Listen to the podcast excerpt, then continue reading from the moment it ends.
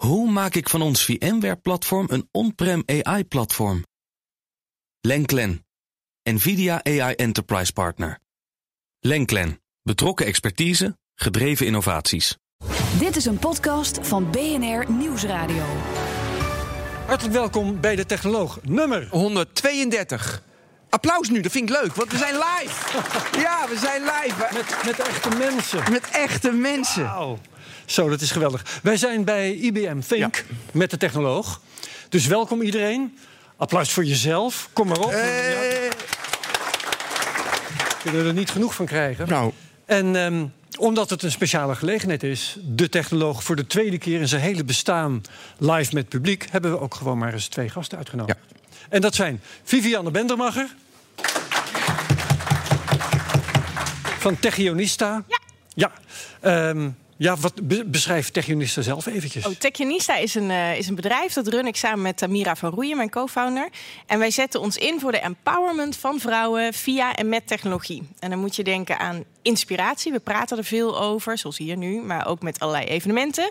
Maar we leiden ook op. We hebben bijvoorbeeld nu samen met Microsoft een opleidingstraject waarbij we vrouwen omscholen tot een baan in data science. Ja, geweldig. En je hebt een hele carrière achter de rug in de journalistiek. Hoofdredacteur geweest van Kijk bijvoorbeeld, van Viva. Ja. Oké, dus dat is Vivianne. En verder een, ja, een vaste gast bijna bij ons. Hè. Hoe, hoe- hoeveelste keer ben jij intussen hier, Tijmen Blankenvoort? Toch alweer de derde keer. drie keer, ja. Als is de derde keer dat ik hier nu ben. Ik zat in de tweede aflevering en nu... eh, De honderdste honderdste. en in de honderdste. 132ste. Nou, kijk. En- Oké, goed. Nou, ehm, wij gaan het hebben met Vivianne straks over de positie van de vrouw in de technologie.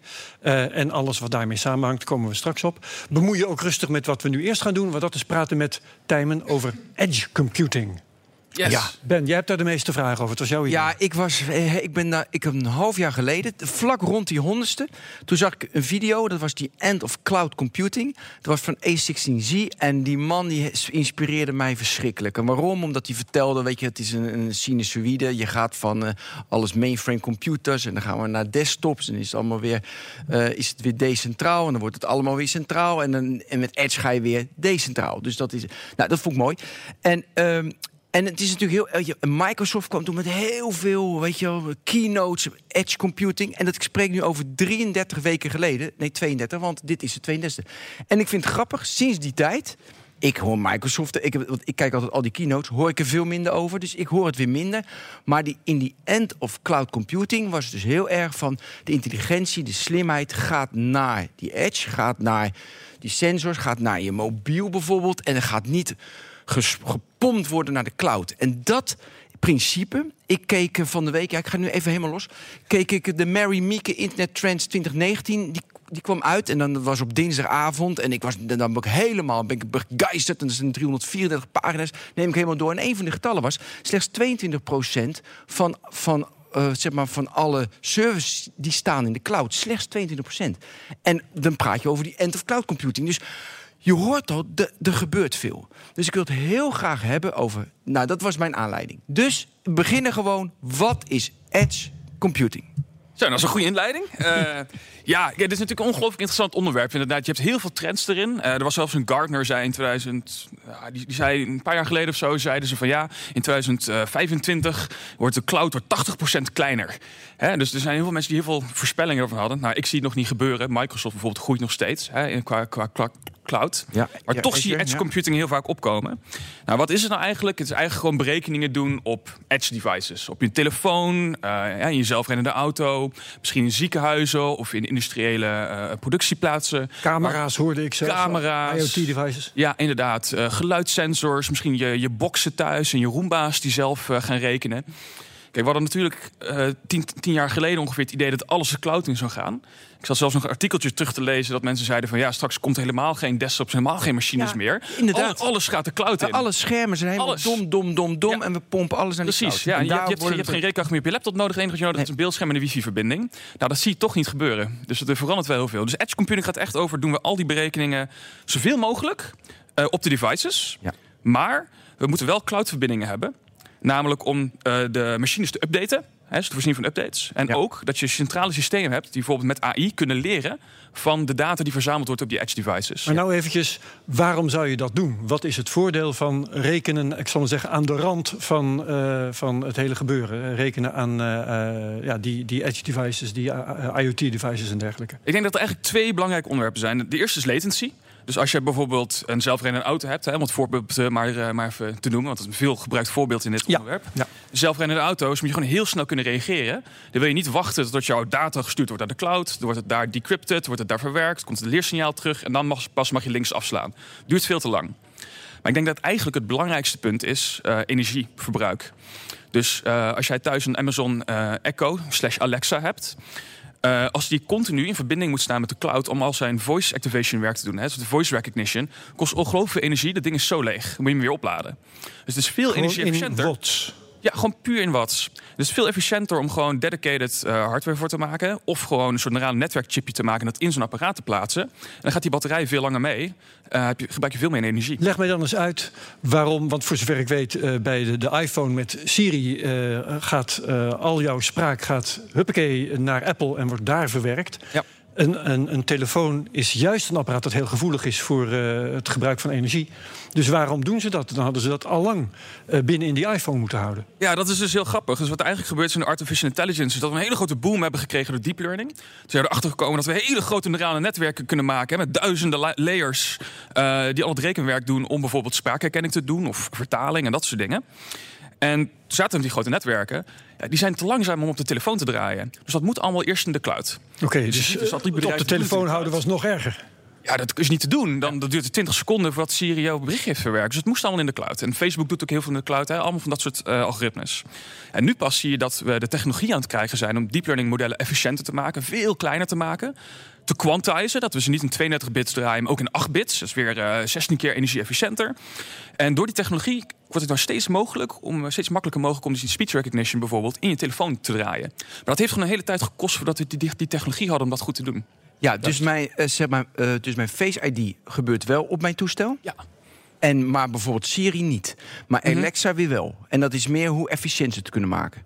Ehm, ja, dat hangt een, een deel daarvan af, maar ook deel van de complexiteit. Want bijvoorbeeld voice activation. Eh, als je zegt, hey Siri, moet ik even opletten dat mijn telefoon nu niet afgaat. Ja, of ik die heb- van iemand hier in Of de die van iemand hier. Ik heb dat die, eh, alles uitgezet. Word er gek van dat ding. Oké, nou ik gebruik het continu thuis. Want Ja? ik, ik zet er mijn lampen mee aan en uit. Dus als ik het niet heb, dan weet ik niet meer. Siri? Waar, ja, ik, ik weet niet meer waar mijn, waar mijn Knap van lichtknopje je. zit op dit moment. Anyway, Ehm, Dit terzijde. ja, dit, dit terzijde.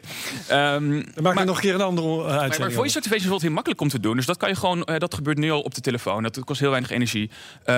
Stemherkenning is nog, zijn vrij grote eh, eh, algoritmes. Ja, maar Amazon nu- kan het dus wel, zei je net. Nou, Amazon is er ook mee bezig. Maar Amazon heeft weer een bepaalde kleinere instructieset. Dus je kan niet alle commands zeggen. Ze doet alleen voor een bepaalde set commands. Huawei heeft het toch ook al een beetje. Om maar eens een heel populair eh, merk te noemen deze dagen. Maar volgens mij hebben zij, eh, vang me niet op de precieze term, maar volgens mij heette de Kirin 980 Dual AI chipset. Ja, Zo, wow. Ja, hey. maar volgens mij doen zij al bepaalde berekeningen voor hun AI-camera toepassingen. Want zij, hebben, zij gaan prat op allerlei AI-akkefietjes in hun camera. Zodat dat allemaal beter wordt qua fotografie. En dat vindt deels volgens mij al op het Ja, toestel plaats. Ja, en de batterij ook. Ja. Is top, want die gaat gewoon meer dan een dag mee. Nou, dat Ja. is me bij iPhone nog niet gelukt. Nee, dat is precies Dit is dat. niet Dat- dat gesponsord. heel interessant. Dus ik werk dus zelf bij Qualcomm. En wij maken Ja. ook chips, hè, Snapdragon chips. Die worden gemaakt door Qualcomm. Zitten ook tegenwoordig AI-modules in. Apple heeft het voor de, voor de gezichtsherkenning. Mhm. Eh, dus eigenlijk alle nieuwe te- telefoons, daar zit een AI-chip op... om dus zo efficiënt mogelijk die berekeningen te kunnen doen. Mhm. Ja, er is een privacyreden natuurlijk achter. Hè. Je wil natuurlijk niet dat elke keer als jij je telefoon probeert te openen met je Apple... dat je ook je eigen foto op moet sturen naar de cloud. Maar uiteindelijk is het ook gewoon veel energie-efficiënter. Want het kost ongelooflijk veel energie om een foto of een video op te sturen naar de cloud. maar, ja. En dat, dat wifi transmission kost zoveel meer energie dan gewoon het zelf lokaal eh, berekenen. Ik wil heel graag het abstracter maken. Nog op Ja, nee, we moeten, het is veel te concreet. Nee, ik vind namelijk mooi. eh, de, eh, ja, dus kun je dat proces beschrijven? En we kunnen liever doe ik dat je voice neemt en niet, weet je, images. Want met die Tesla, weet je, dat, dat, dat voorbeeld hebben we is makkelijk. Ja, niet makkelijk, maar die hebben we vaker. Ik vind voice met Amazon interessanter dan even nu. Bijvoorbeeld, ja, sure. Ja, dus de eerste is dat hij jouw geluid, eh, dus jouw stem hoort. Dus het is gewoon een microfoon. Ja? Ja, Een microfoon die wordt geactiveerd als ik iets zeg. yes. En dan? En wat er dan gebeurt Ja. normaal, op dit moment nog? Nee, ja, op dit moment. Op dit moment gaat het nog bijna altijd via de cloud. Oh, dat had ik je niet. Maar uh, nou, ze zijn ermee bezig om dat voor elkaar te krijgen. Dus dat, dat, dat, dat zit er aan te komen. Dat duurt even een tijdje. Ah, dan moeten we misschien toch die auto nemen. Oké. Ja, de auto. Okay. Ja, nee, maar goed. Anders, ja, eh, misschien heb je een, een ander voorbeeld dat echt in de edge gebeurt. Dat we, ja, dat laten we gewoon even de auto doen. Ben. Ja, dat is makkelijk. Ja, dat is heel makkelijk. Oké, die auto, die heeft dus een camera. Er komen beelden binnen. Ja. En dan? Oké, nou, die... heel veel beelden. 10 gigabyte per mijl, per 1600 meter. Ja, inderdaad. Dat is echt meerdere terabytes per dag. Dus Ja. dat kan je gewoon fysiek niet naar de cloud te sturen. Nee. Dat, dat is ongelooflijk. is niet te doen. Dat moet je ook echt niet willen. Nou, wat gebeurt er? Dus je hebt, Het is je niet hebt- eens een energievraag, je, je hebt gewoon de bandbreedte niet. Nee, je hebt beide niet eigenlijk. Ja, Beide ja. niet. Je bent ook, ook nog eens een keer erbovenop energierestricten. Maar de bandbreedte heb je inderdaad ook niet. En de latency is een groot probleem. Nou, wat gebeurt er? Eh, die beelden worden ingenomen. Die gaan dan meestal gaan een soort neuraal netwerk in voor een soort eerste analyse. Dat neurale netwerk zegt Daar op die chip zit dat. Op de chip, ja. Er, er zit echt een. En dat een- maak een jij, hè? GPU. Eh, Qualcomm maakt ook chips. Ja. Nee, nog, nog niet dit soort chips voor, voor, voor, voor auto's. Maar inderdaad, we Oké, maken. die gaat die, ja, dus er gaat een neurale netwerk in. Ja, gaat een netwerk in. Dan komt een voorspelling uit van ja, je hebt hier een auto, je hebt daar dit stukje van de weg. De weg wordt mooi gesegmenteerd, je precies weet waar de weg zit. Eh, verkeersborden worden geanalyseerd en dergelijke. Dus dat gebeurt allemaal. En dan die Waarschijnlijk ook wel iets over het eh, gedrag van auto's door de bank genomen. Hè. Die auto Ja, nou, doet dat nu dit, gaat nog. waarschijnlijk Dus- straks dat doen. Ja, dus je pakt al die sensorinformatie die eigenlijk uit die plaatjes getrokken wordt. En uit de radarsignalen, uit de LiDAR-signalen. Die komt samen in een grote planningsalgoritme. Eh, sommige mensen doen dat ook met een deep learning netwerk. Die dan met reinforcement learning getraind is. Andere mensen doen het meer op een soort van rule-based systeem. Dat gewoon meer op een outsider manier gemaakt is. Omdat het toch Met moeilijk bedoel is. je bedrijven? Ja, bedrijven. eh, Ja, ja, Verschillende ja. Ja, fabrikanten. bij mij zijn mensen inderdaad. Maar voor, ja, is meestal zijn het bedrijven, fabrikanten. Ja. En dat gaat dus in een planningsalgoritme. En dat bestuurt dan die auto en wat hij moet doen. Ehm, nou, dat gebeurt dus allemaal, bijna altijd lokaal, op, Ja, op een eh, GPU of een, of een ander soort chip in de auto. ja. Is En- dat, is dat edge computing dan eigenlijk in die autosector ontstaan? Want het klinkt als iets wat speciaal daar heel erg eh, eh, nuttig is en belangrijk. Nou ja, ik ik denk dat het daar belangrijk is. Dus je hebt zoveel meer andere, andere topics. Bijvoorbeeld in healthcare is het heel erg belangrijk dat je, je wil ook niet elke keer je healthcare data opsturen, maar je wil wel gebruik maken van de AI daar. Heel veel IoT-devices doen natuurlijk gewoon veel lokale, lokale berekeningen. Ehm, Welke? Ja, even welke. Nu wil ik weer concreet. Oké, top. Nou ja, er zijn bijvoorbeeld mensen. Ja. Hey, wat wil ik? Het is een sinusoïde, zei ik al. Ja, ja. Het gaat heen en weer.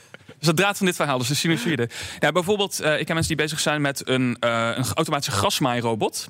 En die moet ook beeldherkenning hebben. Want wat er nou Ja. gebeurt, is dat er wel eens een hond is op, jou, op jouw gras. En die poept ergens. En je wil niet dat die grasmaaier daar overheen rijdt. Want dan krijg je echt een heel gedoe. En dan wordt die robot heel erg vies. Dus dan wordt dus computer vision technologie ingezet. Top om dus, voorbeeld. Ja, toch? Ja, Ja, ja, dat je dat wel leuk zou vinden. Ja, dat vind ik leuk voor. Eh, dus dat, dat soort dingen, dat zie je heel vaak. Ja, maar dus- je Roomba's en zo, er zit AI in. Die moeten een lokale map maken met SLAM-technologie. Er zitten, er zitten deep learning dingen achter. Ja. Ik vind het fijn dat we die auto We verlaten. echt al tot onze knieën in de AI, als ik het zo... Ja, nee, We hebben helemaal niet gerealiseerd, hoor. Ja, het is, het is nu een soort van berekening 2019, eh, is dit jaar inderdaad. ik zit altijd met mijn hoofd in de toekomst. Ehm, dit jaar was een berekening dat die 10% van de, van de edge devices, die hebben, er zit nu AI capability op. En de, de, wat, wat gezegd wordt door meerdere bedrijven, is dat het in 2025, 2027, dat bijna 100% van de devices gaat AI chips, AI technologie op de, op de devices Ja. zelf hebben. Maar daarom moet dat proces is nog niet klaar, hè? Want hij heeft de beste beelden eruit gehaald. Doe maar even die Roomla. Vind ik wel leuk met Ja. die gasmachine met die. Ja, de, de, de, met ja, de gasmaaimachine. Ja, is goed. Ja. Oké, eh, die beelden zijn. en dan moet je. Kunnen ze daar al iets leren?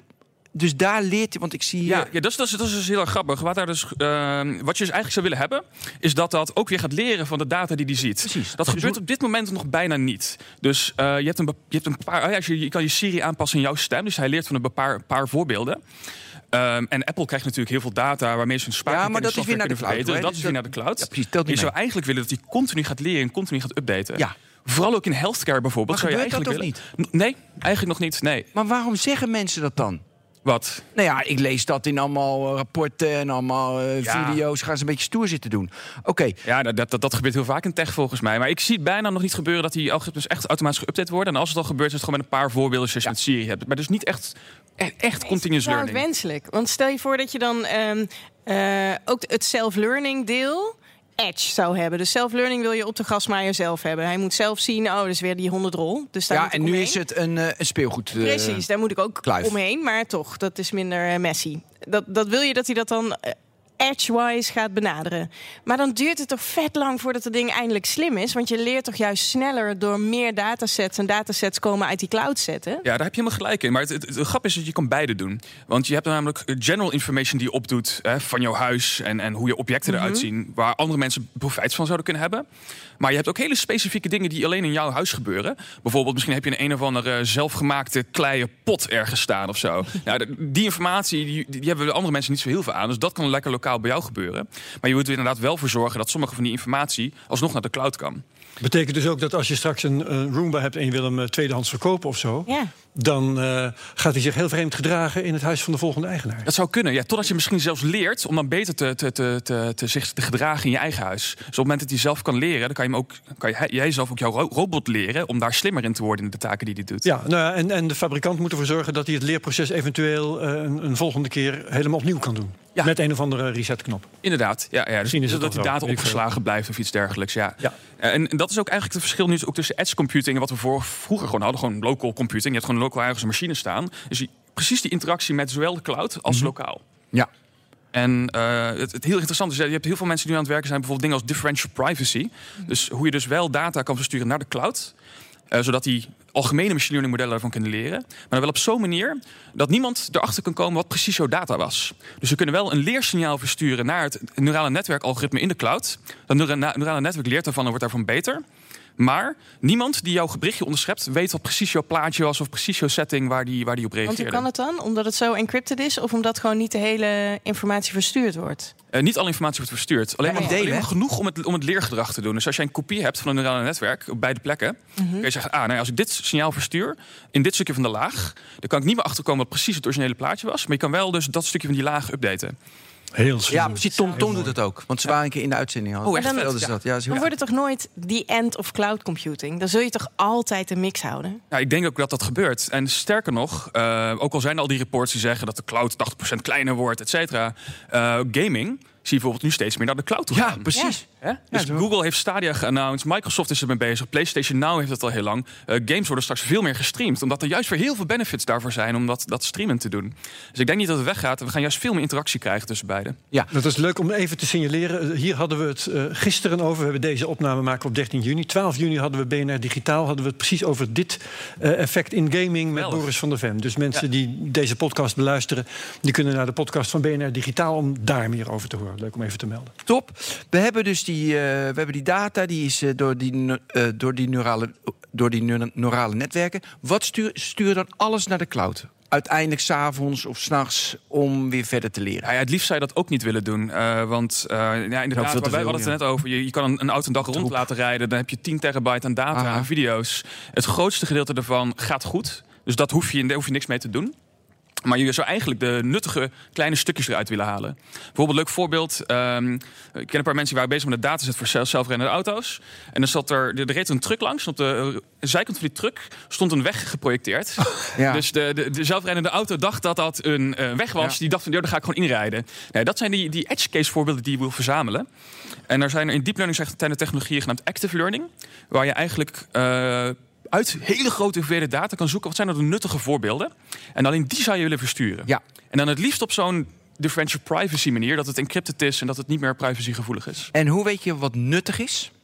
Nou ja, bijvoorbeeld voorbeelden die je vaak niet ziet. Eh, vaak gaat het om de... Dus hij weet dan, dit zie ik niet vaak. Hey, dit, Ja. is een wel raar, dit is een raar. En die stuur ik dan op. Want Ja. dan kunnen ze, kan een mens kijken van... Ja. Inderdaad, dat is een fiets achter op een auto en niet een... Ja, je hebt, je hebt fiets. neurale netwerken die geven niet alleen maar voorspelling, maar ook een soort uncertainty, uncertainty erover. Ja. Dus op het moment dat je gewoon uncertain voorbeelden verzamelt, eh, Bayesian methodes heette dat. Je verzamelt alle onzekere voorbeelden en die stuur je op en daar kun je dan van leren. Ja. Ehm, ook over snelheid. Eh, we krijgen 5G. Dan vermoeden mensen van, nou, dan kan je meer sturen. Want je kan dan in real time met je auto. Lijkt mij nog steeds heel erg sterk, want voordat dat er is. Maar goed, Ja. hoe kijk je daarnaar?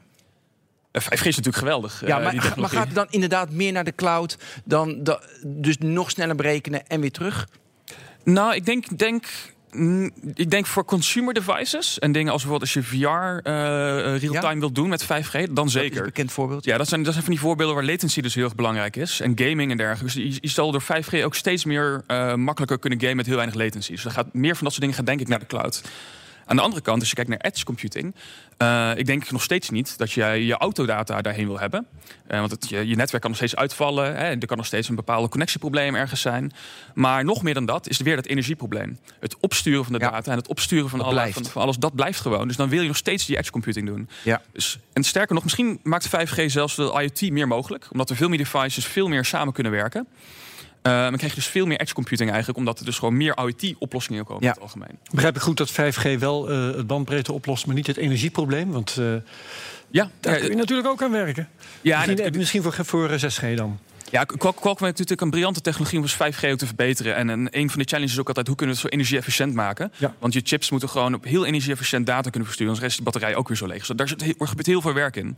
Maar ja, uh, inderdaad, als jij uh, jezelf in de auto's al die neurale netwerkanalyse over zou willen sturen kost alsnog veel meer energie om al die nee, data zeker. te sturen. En als je de, de, het wattage per uh, verzonden bit uh, omlaag krijgt... en je gaat toch 10, 100 keer zoveel bits versturen... dan ja. zit je toch aan de verkeerde kant van de streep. Precies, zo gaat dat. Ja, ja. ja. Uh, kun je iets vertellen over data-centric programming? Of heb je daar nog nooit van gehoord? Datacentric, wat bedoel je daar specifiek nou, mee? Want uh, ik kan er heel veel dingen bij Ja, verzinnen. nee, precies. Nee, afgelopen week keek ik, maandagavond Pinksteren, ja, uh, keek ik naar een video van de lead AI van Tesla. En die had natuurlijk een heel stoer verhaal van je hebt programming 1.0 en zelfs die robot van Boston, uh, weet je, die, dat is allemaal 1.0, want dat programmeer je en een beetje neuraal netwerk erin. En nu is het meer maar machine learning bedoel je? Precies. En Ja, ja, ja.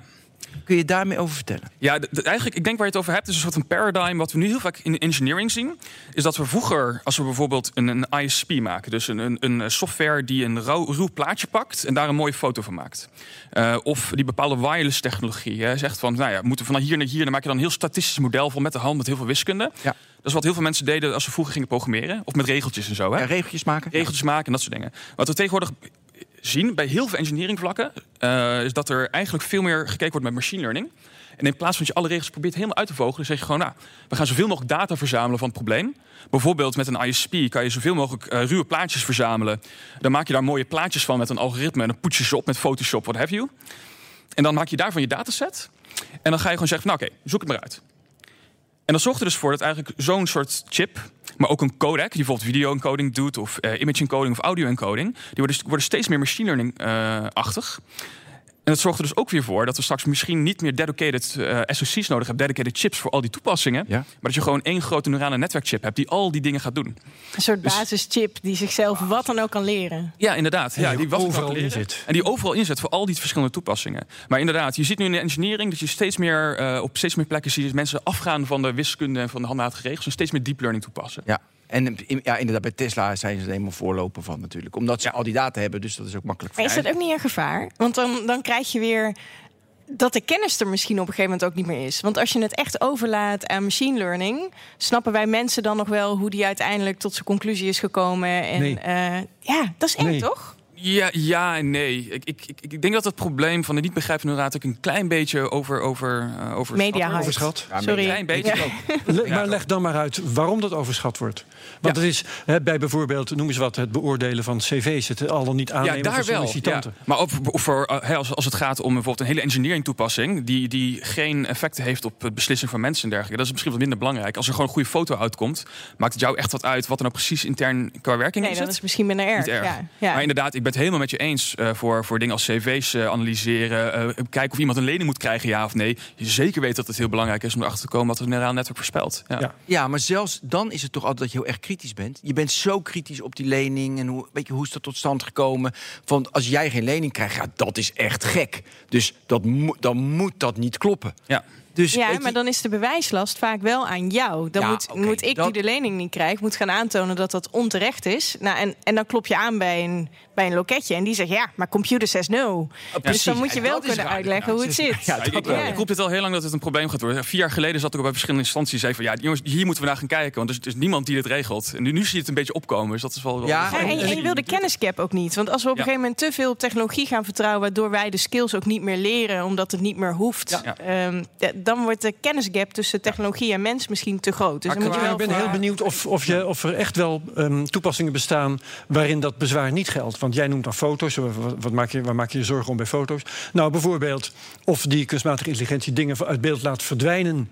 Ja. Onder het motto, daar heb jij toch niks aan... of daar heb jij toch alleen maar last van. maar straks dat- nog even over een foto Oeh, dat is een hebben. dat foto. komt straks. Ja. Maar dat is heel makkelijk inzichtelijk te maken. Want dan kijk je gewoon naar. Ik geef, ik geef een ruwe foto waarvan ik weet dat eruit zou moeten komen. Kijk wat het algoritme doet. En dan zie je dat die dingen eruit photoshopt. Ja, dat is, dat is natuurlijk niet, niet wenselijk. Zeker, maar Dus je er, komt, er komt altijd een punt dat, je, eh, dat, dat het apparaat dat je koopt... eh, het origineel niet meer laat zien. Ja. Tenminste, dat denk ik, of in ieder geval daar ben ik dan een beetje bang voor. Ja, nou, ik, ik ben er zelf nog niet heel erg bang voor. Scheur worden die gewoon opgeslagen. Maar inderdaad, dit zou kunnen. Ja, wie weet. Ja. Ja, ik ben er ook niet zo bang voor. Dus daarom was Nee. ik een beetje, denk ik... En ja. ik ben ook niet bang dat, dat we de wiskundekennis kwijtraken... en engineeringkennis om die algoritmes te maken. Dus daar ben ik ook niet, niet heel erg bang voor. Nee. Gelukkig. Goed, eh, heb jij nog iets over edge computing? Ja, ik wel. Oh, Ja? sorry. Ja. Vivianne? Ja, tuurlijk. Nou, veiligheid. Als we het Ja. dan toch hebben over bankmakerij, dat doe ik graag. Nee, maar hoe zit het met veiligheid? Want als je, ik denk heel erg dat eh, door 5G gaat edge computing een vlucht nemen. Ik, zeg het, ik moet het andersom zeggen. Door 5G gaat IoT een vlucht nemen, waardoor edge computing eh, nou, heel snel zal gaan. Maar Internet of Things is nou niet echt een domein waarbij ik denk: oh, Dat is secure. zijn mensen die echt supergoed nadenken over Ja. security. Nee, dat zijn vaak Indiegogo-projecten waar ik als eerste graag in investeer omdat ik het super cool vind. Maar heb je dan se- security by design? Nou, vaak dat is niet, denk Meestal ik. tegendeel. Dat is een knettergroot probleem is dat. Dus eh, de meeste van die IoT-devices zijn inderdaad gewoon een, een of andere hacky Linux distri- distribution die erop gezet wordt.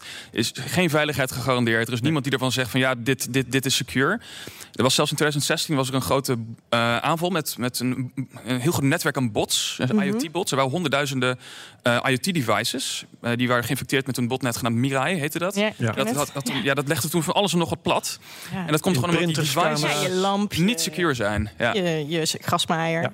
Maar gelukkig zijn er heel veel bedrijven die daar natuurlijk aan werken. Dus, dus, eh, IBM werkt eraan, Microsoft en heel veel bedrijven die aan de security werken van dat soort IoT-dingen. Maar ja, dat is wel een grote issue. En dan moet die IoT het ook toestaan dat je updates kunt draaien. Ja, dat, en- dat dat open blijft En staan. dat het jouw updates zijn en niet de updates die, Precies. die er malicious Ja. probeert op te zetten. Ja. En volgens nog komen er meer van dat soort shitty apparaten dan dat eraan verbeterd wordt. En misschien is wel harder dan we kunnen bijhouden ook. Ja. Ja. Maar timing, ik wil even, want jij zegt, Vivian, eh, dat door 5G krijg Ja. je meer IoT Ja. en daardoor meer in die edge en dat Ja.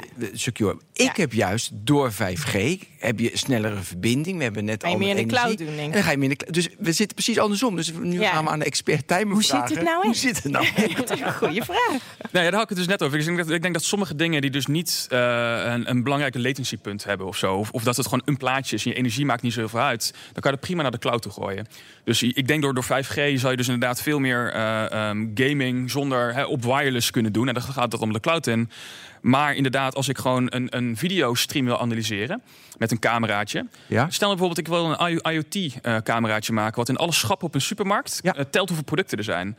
Nou, als jij een continu voor elk van die cameraatjes een stream gaat sturen... Tuurlijk niet. Dat kan met Nee, 5G. Het kan. Ja, maar ga je niet maar doen. het is compleet nutteloos. Ja. ja, Ik, Sterker nog... ik denk, ik, ik ga met jou mee. Yes. Yes. Nee, maar niet dat het daarom gaat. Ja. Nee, Nou, ik ga. Ja, fijn. Ja, klaar. Beter wordt het. Vivian is klaar. Ja. Dat is nog wel leuk om te melden. Dus die cameraatjes worden ook echt gemaakt. Dus je hebt tegenwoordig cameraatjes van 1, 1 eh, milliwatt. Dus, eh, dus dan kan je eigenlijk gewoon eh, 10.000... Hè, voor, voor, voor, de, voor, een normale ledlamp qua energie... kan je 10.000 van dat cameraatjes aansturen. Die draaien continu. Er zit, zit geen eh, kleurbeeld in, want die zijn, dat is veel te duur. Nog? Ja. Maar daar kan je dus wel dedicated op een chip... zou je daar bijvoorbeeld computer vision technologie in kunnen doen... die dus gezichtsherkenning doet, herkent of iets een mens is... of dat het je hond is. Ja. Eh, tellen van objecten en dozen. Brave New World. Ja. We gaan Ja. soms echt, ja, parkeerplekken, overal zo'n klein mini-cameraatje. eh, schappen en supermarkten, allemaal zo'n klein mini-cameraatje... die gewoon alle inventaris in stand houdt en alles checkt. En dan kan je dan met het 5G-netwerk dat allemaal aan elkaar Allemaal heel leuk, maar die cameraatjes worden ook andersom gezet en dan kijken ze naar de klanten. Ja. Ja, maar er is bijna niks uit te halen uit die cameraatjes. Het is zo'n vaag beeld. ja, maar nog, weet je. Ik, Nee, wel eng, hè? ik denk gelijk aan de maar het Je, oude je zegt eigenlijk tegen mij, wees maar niet bang, maar de technologie is nog zo slecht. Nou, nou de, de berekening, de berekening komt, zit dan op de chip van, van, van, die, van die camerabeelden. Dus die camerabeelden worden niet gestreamd. Het zit gewoon letterlijk op, op, het, eh, het, op het cameraatje. Het is een heel klein chipje. ja. En die doet alle beeldverwerking. En het enige wat het dan stuurt qua signaal is... Geeft Ja, alleen maar door of het wel of niet een terrorist is. Precies, yes. ja. Dan krijg je ook een, een physical security probleem, toch? Want als je overal die IoT-devices hebt... waar ook nog eens de data lokaal wordt geïnterpreteerd... Ja. Dan kun je dus gaan uh, tinkeren met een specifiek device op locatie. In plaats van dat je een hacker bent die in de cloud van alles uh, voor elkaar uh, Ja, ik denk dat ze inderdaad dat er veel meer security um, iets, meer, iets minder afgaat zeg maar, op het wireless gedeelte. Dus ja. hackertjes met een laptopje het, het, het, het 4G-signaal aftappen en je, je WAP-encryptie hacken en zo. Mm -hmm. Dat gaat veel minder zijn. En misschien veel meer fysieke aanvallen op, op devices. Ja. Aan de andere kant, veel van die edge computing devices, zoals die smart homes dingen, zijn nog steeds verbonden met, met het internet. Dus dat ja. gaat nog steeds een beetje problematisch zijn. Ja. Maar je brengt ons wel op een heel goed idee, want we gaan het ook een keer hebben over de freedom to tinker en het recht op repareren en al dat soort dingen. En, en, de pogingen van, van fabrikanten om dat juist onmogelijk te maken. Dat is echt een, ook een, belangrijk issue. Ja, heel. Andere keer. Ja. Goed, zullen we naar uh, Women in Tech gaan? Ja, dat moeten we maar doen. Maar wel mee bemoeien, Tijmen. Ja, zeker. Want jij hebt daar, daar hoef je volgens mij niet om te vragen. Me, uh, uitgesproken mening over. Wij doen ook met Qualcomm daar heel veel op dat vlak. Dus ik vind het leuk om het hierover te hebben. Zeker. Ik geloof dat de naam Qualcomm nou wel genoeg genoemd is uh, vandaag. Oh, sorry. uh, uh, dus heb je een target? Ik ga okay. Wat het ook is, dat heeft hij intussen wel gehaald. Ehm, ik ga eerst even een verhaal vertellen. Vanmorgen zat ik te kijken naar een van mijn favoriete blogs. Boing Boing, zeer aanbevolen. Noemen we weer eens een andere naam. Um, en daar werd een foto vertoond van een bijeenkomst van technologie tycoons ergens in uh, Italië. En uh, er was wat aan de hand met die foto. Op die foto stonden heel veel mannetjes. Jeff Bezos was er bijvoorbeeld bij, maar een aantal anderen ook. Ik weet niet meer precies. De, de Reed Hoffman van, waar is hij ook weer van LinkedIn of ja, zo? LinkedIn. Dat soort types die, die zaten daar, stonden daar op die foto. Hadden met elkaar zitten praten. Twee dames stonden er op de foto. En uh, iemand ergens op internet uh, was eens naar die foto gaan kijken. Klopt dat wel? En die was dus gaan, uh, beter gaan kijken. En om een lang verhaal kort te maken... het bleek dat uitgerekend de twee vrouwen op die foto... die waren erin geshopt. Die waren, uh, ik heb andere foto's gezien van die bijeenkomst. Minstens een van die vrouwen was er volgens mij wel bij. Want ja, die stond. volgens mij wel aanwezig, ja. maar niet op die foto. Nee. En daar was mee geknoeid. En op de oorspronkelijke publicatie is die foto intussen ook verwijderd. Met de mededeling van uh, deze fo foto voldeed niet aan onze standaarden. Ja. Nou ja. Vivianne. Wat um, zegt dat, Vivianne? Nou, dat, uh, dat vond ik ook wel een grappig grapje in het, uh, in het blog dat je vond. Wat dan die standaarden zijn. Ja, er stonden maar twee vrouwen op. En je moet tenminste vier vrouwen in een team hebben, wordt er wel eens gezegd. Dus als ze dan hadden moeten shoppen, dan hadden ze er nog twee bij moeten zetten. Doen, ja. Want je moet vier vrouwen in een team hebben. Ja. Maar wat dit zegt, het zegt dat um, technologische bedrijven heel erg bezig zijn met het idee: oh jee, ik heb misschien een klein beetje te veel uh, witte mannen in mijn clubje en misschien moet er een keer wat kleur bij en, en ook wel en wat vrouw bij. Een goed teken. Dat is een heel goed teken. Ja. Dus je bent je ervan bewust. Het is alleen jammer dat je dat moet faken, omdat het dus blijkbaar toch nog niet helemaal aan de hand is. Nee. En, hoe, en hoe belangrijk is dat? Dat er meer vrouwen in die teams. Dat je het gaat faken? Nee. meer vrouwen in teams. Ik denk dat dat heel belangrijk is. Um, kleine disclaimer, we hebben het nu. Specifiek... graag nu. Ja, nou oké. Okay. Uh, maar we hebben het nu over vrouwen. Ik denk dat het gaat ja, over tuurlijk, diversiteit. Hè? In de breedste ja. zin. Het gaat niet alleen. Precies. Het gaat ook over leeftijdsdiversiteit. Het gaat over verschillende ethische achtergronden, um, ja, etnische achtergronden. en, en ethisch, ethisch ook, oplossen. Ja. nee, etnische achtergronden. En het gaat inderdaad ook over vrouwen. Nou, en je ziet gewoon dat in um, de wereld van ICT in de breedte vrouwen zwaar ondervertegenwoordigd zijn. Nou, ik denk dat ik ja. dat ook hier bij dit publiek niet hoef Even uit te kijken. leggen. 1, 2, 3. Ja. Ja, oké. Okay. En dat is je zou, dat is geen verwijt naar jullie, beste mannen. Fijn dat jullie er zijn. Zeker. Maar het is wel jammer dat er niet meer vrouwen zijn. En waarom is ja. dat jammer? Ik sprak een tijdje geleden Google hierover. Google hielp ons bij een event. En toen heb ik aan hun de vraag gesteld: waarom vinden jullie het dan zo belangrijk? Want ik kan wel blijven prediken, maar waarom jullie? En toen zeiden ze: omdat wij producten maken voor iedereen. Jong, oud, uh, dik, dun, man, vrouw, maakt niet uit wie. Iedereen moet onze producten en diensten kunnen gebruiken. En zijn vrouwen beter in het maken van producten voor vrouwen? Nee, niet per se beter. Nee? Ik geloof ook niet dat er een verschil is in uh, we moeten meer vrouwen, want die zijn beter in iets dan mannen. Ik denk dat het gaat om samen dingen maken. En op het moment dat jij bevolkingsgroepen, om het heel breed te zeggen, mm -hmm. betrekt bij je ontwikkeling, ga je eerder dingen zien die je niet ziet ja. als jouw developersafdeling um, nou maar uit één soort bestaat, uit één soort bevolkingsgroep. Ja, en maak je een onderscheid tussen back-end en front-end? Want nu kan ik me voorstellen, mm -hmm. tuurlijk in de front-end dat een vrouw gebruikt evenveel uh, technologische producten als mannen. Dus logisch. Nee, het zit ook in de back-end. En maar in de backend kan je zeggen, nou, dat moet efficiënt zijn en uh, weinig energie en moet snel zijn. En dat zijn allemaal, ik noem ja, allemaal, mannelijke, allemaal mannelijke termen vaak, hè, zijn dat dan. Nou, wij houden op zich ook wel van snel en efficiënt. Jawel, hoor, maar... maar ik, Maar ik snap Nou, wat je bedoelt. moet- moeten we het daar niet eerst over hebben? Wat dan precies die verschillen tussen mannen en vrouwen zijn? En of die er wel zijn. Want ik ben eens gaan, Ja. gaan rondkijken. En daar vind ik toch echt heel tegenstrijdige informatie over. Ja, en van, van een hele, een hele lijst in het. AD van verschillen tussen mannen en vrouwen die er dan zouden zijn. En, en, en een artikel waarin, waarin eh, werd eh, aangetoond. Leek het dat zelfs baby's van zes, eh, jongetjes van, sorry, van jongetjes van zes maanden beter ruimtelijk inzicht hadden dan eh, meisjes van zes maanden. Terwijl aan de andere kant zijn er publicaties waar het precies tegenovergestelde in staat. Ja. Namelijk dat die verschillen tussen mannen en vrouwen helemaal niet relevant zijn. Nou, ehm, de, de onderzoeken die ik daarover gelezen heb, en ik, ik zal ze delen zodat ze in jullie show notes kunnen, want dan kunnen de luisteraars Ja. zelf vooral ook Allemaal gaan lezen, kijken. ja. Hele lijst krijgen. Ja, oh, mind you. Nee, maar daar, daarin wordt heel erg gesteld... de verschillen tussen vrouwen onderling en mannen onderling... zijn vele malen groter dan de verschillen tussen man en vrouw.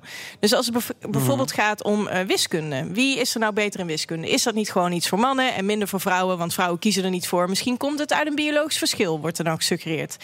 Dan zie je die verschillen eigenlijk Maar wacht niet of nauwelijks. Eh, daar, daar heb ik over zitten nadenken, over, over die waarneming. En je hebt inderdaad, zowel bij mannen als bij vrouwen... heb je die, die bell curve, hè, zo'n klokvormige Mhm. grafiek... waarbij, nou, noem eens een of andere eigenschap... goed zijn in wiskunde of zoiets, of, of, of dat ruimtelijk inzicht... waarvan, dacht ik, redelijk onomstreden is dat mannen dat meer hebben... maar eh, correct me if I'm wrong.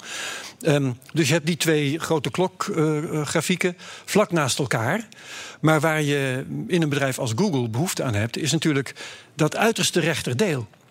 En daar lopen die klokgrafieken van mannen en vrouwen ietsje verder uit elkaar dan als je uitzoomt en het geheel bekijkt. Ja, en, en, en wat dan ook belangrijk is om te vermelden, is iets een biologisch verschil? Ja. Of is iets, hè, is het nature, is het wel, nurture? Want wat nou ja, ik dat wel is denk, belangrijk als je er wat aan wilt gaan doen. Maar, ja, eh, maar ook om die, om die verschillen te herkennen. ehm, is een vrouw bijvoorbeeld, dat, dat wordt vaak gezegd, hè, vrouwen zijn heel creatief, vrouwen zijn heel communicatief en daarom is het ja. goed, ja, en sociaal en daarom moet je vrouwen in je team hebben. Daar is wat voor te zeggen, maar hoe komt dat dan? Omdat vrouwen hun leven lang ook in die hoek hebben gezeten en daar ook meer mee bezig zijn geweest. En misschien is dat daardoor meer ontwikkeld. dat kan zo zijn, maar staat het vast dat het zo is? Want volgens mij is het nog altijd onduidelijk of dat nou nature Ja, of nurture, nature of nurture. is. Nou ja, wat, wat ik zeg over die onderzoeken die ik erover lees, is wordt uitgesloten dat het nature zou zijn en wordt aangetoond dat het nurture is. Maar ik ben het met jou eens dat dit een enorme discussie blijft, ook volgens Ja, mij in de wereld van de wetenschap. Dus hè, en ik ben natuurlijk wel een beetje biased. Dus ik weet ook niet of ik dan de waarheid hierin. Waarom ehm, wil je dat het nurture is? Waarom zou je dat willen? nou, willen. Waarom ik denk dat het nurture is. Ehm, omdat je er dan ook wat aan kunt doen. En trouwens, dat is ook hoopvol voor de mannen. Hè? Want Ja. als wij maar blijven roepen... vrouwen zijn beter in communiceren... en vrouwen hebben de softere kant beter ontwikkeld... Nou, dan is dat net alsof jullie dat niet hebben. En volgens Nee. mij is dat wel zo. Ja, Maar is het toch niet een Nou, beetje, denk, is het nou equal opportunity of equal outcome? En volgens mij, equal outcome, daar zou je over kunnen discussiëren of dat een goed idee is. Maar volgens mij willen we allemaal veel meer, veel meer mensen in de techwereld. Ja. Hè, dat willen we allemaal. Ja. Eh, er zijn er gewoon veel te weinig mensen die daar goed in zijn. nog beter maken. Ja, en volgens Ja, mij en is we een hele tekort grote ook. Ja, een heel groot tekort. Gewoon Ja. hebben we een tekort. En volgens mij een hele grote groep die nog niet volledig is aangeboord, is de groep van vrouwen. Vrouwen, ja. dat is waar. En, en eh, ook, zelfs al zou je zeggen dat, dat, er, eh, dat er minder vrouwen zijn die goed zijn in tech, hè, om verschillende redenen, nature, nurture, et cetera. Zelfs dan denk ik dat nu nog de groep die potentieel goed zou zijn in tech, techbedrijven, techberoepen, dat nog niet voldoende kiest. En dat is een grote groep die we eerst eens aan zouden moeten boren. Ja. Je, ziet, Ja. je ziet in landen als China en India dat er veel meer vrouwen in de tech zitten dan in Europa. Ja. Er worden veel meer, veel meer vrouwen kiezen voor dat soort techrichtingen. Maar mijn punt in dat dit moeten we verband minimaal is, doen volgens mij. eh, als, het, eh, als het nurture is, dan kun je daar eh, wat aan doen. En dan kun je man en vrouw op dezelfde manier inzetten. Prima. Ja. Als het nature is, ook goed. Dan ga je die eh, eigenschappen die vrouwen dan van nature zouden hebben... dan ga je die optimaal gebruiken. Kan toch allebei? Ja, ja, ja, goed. Ja, ik denk dus echt dat het, dat het geen nature is. En, Dus wa- dat- en waarom, goed, waarom, dat is op, op grond van die onderzoeken ja, die je van ons die onderzoeken die je daarover Ja, leest. Ja, ja. En wat ik interessant vind, en jij haalt het al een beetje aan... er zijn ook landen waar heel veel vrouwen wel voor die wereld kiezen. En waarom dan bij ons niet? Zou dat dan zo zijn omdat landen zijn Nederlandse vrouwen anders zijn? Nou, jij noemt er al eentje. ja, ik, ik zei China. Scandinavische landen. ja, ja, Scandinavische landen scoren heel goed. Wat zeg je? Eh, in het Midden-Oosten zag ik. Ja, ja, klopt. In Nederland doen we het niet zo goed. Nee. Nou, daar, daar heb ik me in vastgebeten, omdat ik dat heel raar vind. Van, want wij zijn toch zo'n vrijgevochten land... waar iedereen alles Ja. maar moet kunnen worden. En eh, toch, daar staan we toch met z'n allen Ja. voor. Waarom, En dan gaan al die vrouwen part-time werken. ja, waarom en, doen ze eh, dat dan? En, kindertjes of- en waar ligt dat nou aan? Nou, ik heb daar wat mensen over geïnterviewd. Wat eh psycholoog. Ik zal de namen in de show notes zetten. En ehm, wat zij aangeven is dat Nederland misschien wel meer dan andere landen. ehm, nou ja, diep gewortelde stereotypering heeft. Nou heeft Microsoft, die doet elk jaar onderzoek naar eh, hoe staat het met meisjes in STEM in allerlei Europese landen. Dus zij, zij hebben heel veel respondenten en dan kijken ze wat komt daaruit. En daaruit blijkt dat meisjes in Nederland eh, versus gemiddelde in eh, Europa een veel lager zelfbeeld hebben als het gaat om STEM, Science, Technology, Engineering en Math. Als je aan een, aan een meisje vraagt, ben je goed in wiskunde?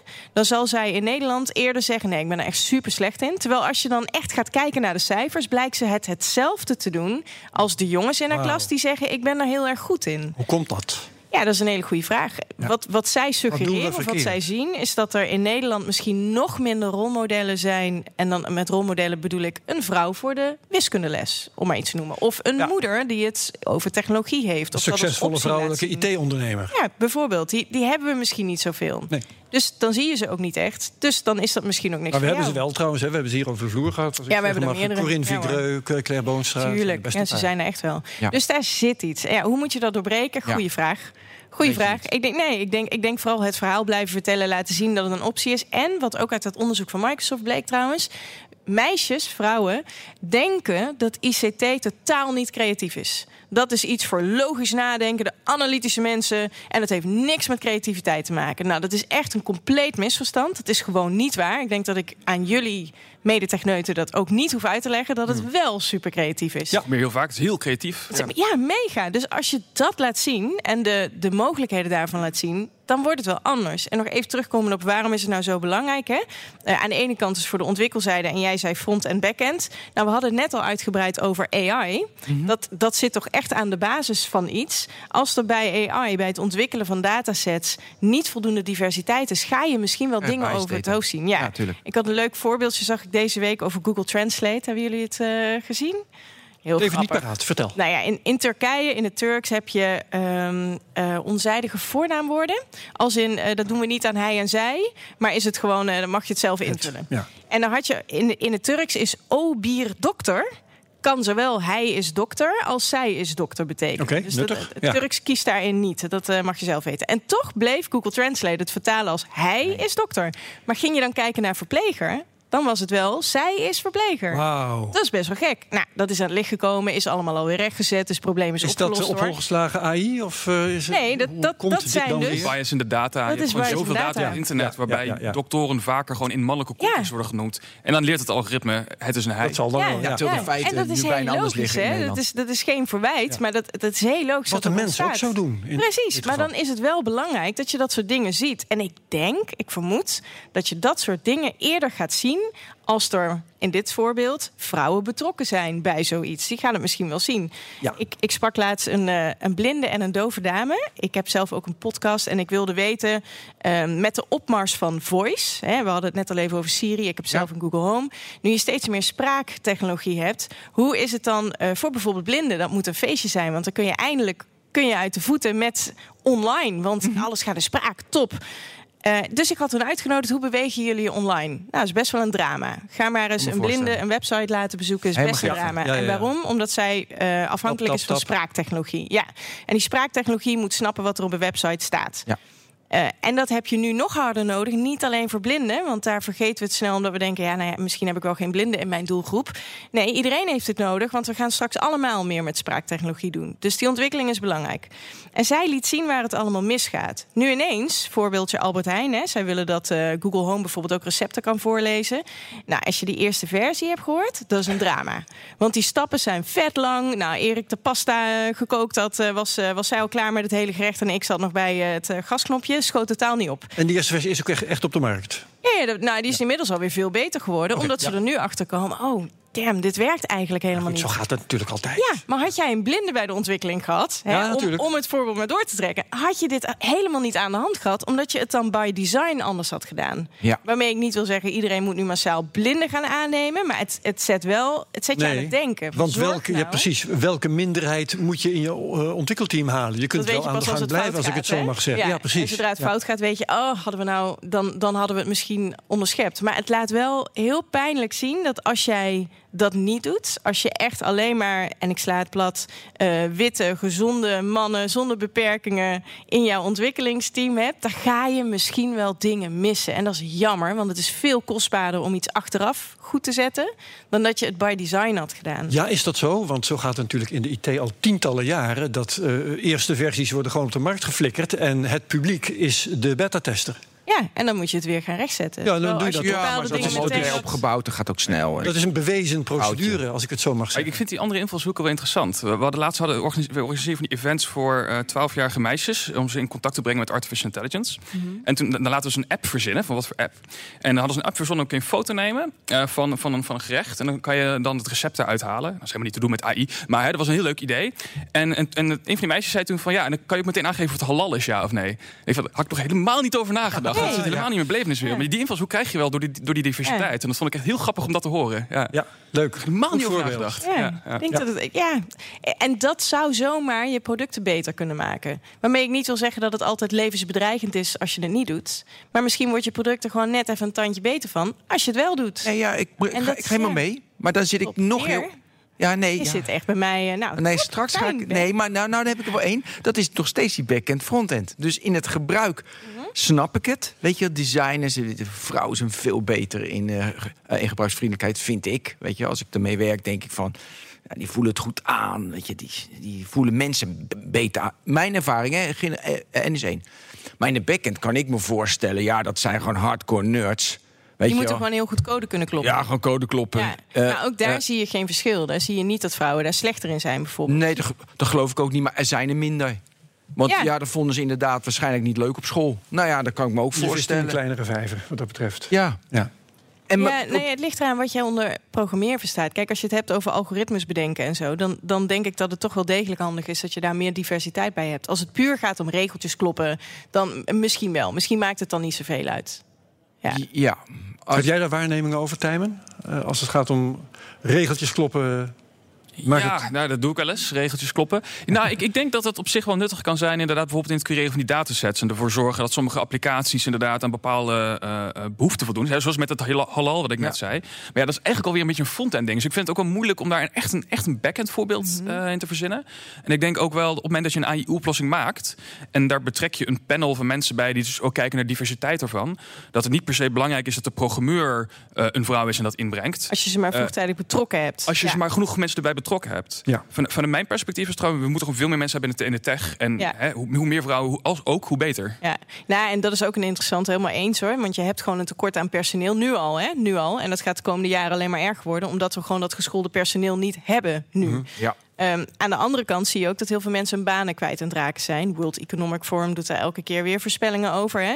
Door opkomende technologieën. Daar geloof ik niets van. Oh, ik wel. Hé, we hebben een, Ik ben- we- een dispuut. Eindelijk. ik kan je wat bewijzen. Ik Eindelijk. Ik was hem aan het zoeken. Eindelijk ruzie. Eindelijk ruzie. Yes, nou, nee, ja, daar kwam ik ook eigenlijk voor. Ruzie met Ben. Nee, maar ik, ik heb een tijdje een eh, digitale secretaresse gehad. En, eh, dan Uit India? Ja, Amy. Ken je Amy? Ja, van gehoord. Wacht even, een, wel een levend persoon, maar via internet. Nee, je nee, dat? het was Nee? een robot. Het was echt een robot. algoritme. En ik Oké, moet het meteen nuanceren. Zij deed alleen mijn agendabeheer. Dus En het was een deze robot, het was een zij. Amy heet ze. En ze communiceert in tekst, hè, want ze stuurt mailtjes. Op zo'n menselijke manier, wel Engelstalig trouwens, dus daar moet je toe bereid zijn. Op zo'n menselijke manier dat mijn klanten niet door hadden dat Amy een algoritme was en geen mens. Dus ze vraagt op maandag vraagt ze bijvoorbeeld: Hey, how was your weekend? En, nou, en op een gegeven moment merkte ik aan mezelf dat ik daar ook antwoord op ging geven. En dat je denkt: Nou, ja, maakt ook helemaal niet uit hoe mijn weekend was, want dat snapt zij helemaal niet. Nee, Dus- maar maakt het uit dat jouw digitale assistent werd gepresenteerd als een vrouw? Dat is mij. Ja, dat ook weer een Ja. leuke. wil ik Nee, je kunt kiezen. Volgens mij kun je ook voor de man kiezen. En ik had, ik had Amy een vrouw.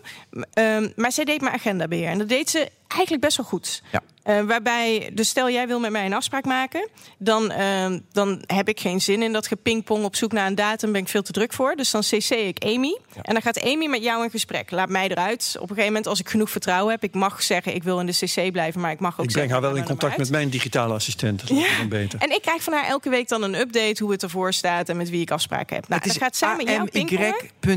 Is, Eh, het is eh, eh, ja, ik heb hem getest eh, namelijk. En dat ik is zelfs de niks. merknaam. Amy. Ja, ik heb haar uiteindelijk ook ontslagen. Dus daar kom Ja, zo. precies. ja oké. Ik heb ontslagen. Ik vond Maar- ook niks, maar goed. Ga door. I- Ja, maar het idee fascineert me mateloos. Want zij gaat dus met jou pingpongen totdat jullie een datum hebben gevonden. Door wat ik eenmalig heb ingevoerd, weet ze wat mijn voorkeuren zijn. Bijvoorbeeld dat ik niet eerder dan tien uur wil afspreken, ik noem maar wat. En dat ik eh, altijd rekening wil houden met bepaalde reistijden. En, en dit zijn mijn favoriete tentjes om af Ja. te spreken. En hier woont mijn kantoor en hier woont mijn huis. En op basis daarvan kan ze met jou die afspraak plannen. Dan stuurt ze jou nog even een bevestiging. Ze stuurt ook een routebeschrijving, Google Maps eraan toevoegen. Topassistent. Ze laten mij weten, de afspraak staat. En ze stuurt reminders aan iedereen die erbij moet zijn een dag van tevoren. Love it. Dat is wel een taak die voorheen een secretaresse zou hebben, die nu niet Klopt. meer bij haar ligt. Nee. Dus de taak van een secretaresse wordt dan misschien anders. Ja. Waarom heb ik Amy ontslagen? Ja, dit is het ding met self-learning. Hè? I- iets moet wel fouten kunnen maken om er beter van te worden. En dan krijg je dat idee, ja, maar niet bij mij. Ze, had, eh, ze had twee bedrijven met wie, dat waren eigenlijk een beetje concurrerende bedrijven. En ik was met beide bedrijven wel in gesprek.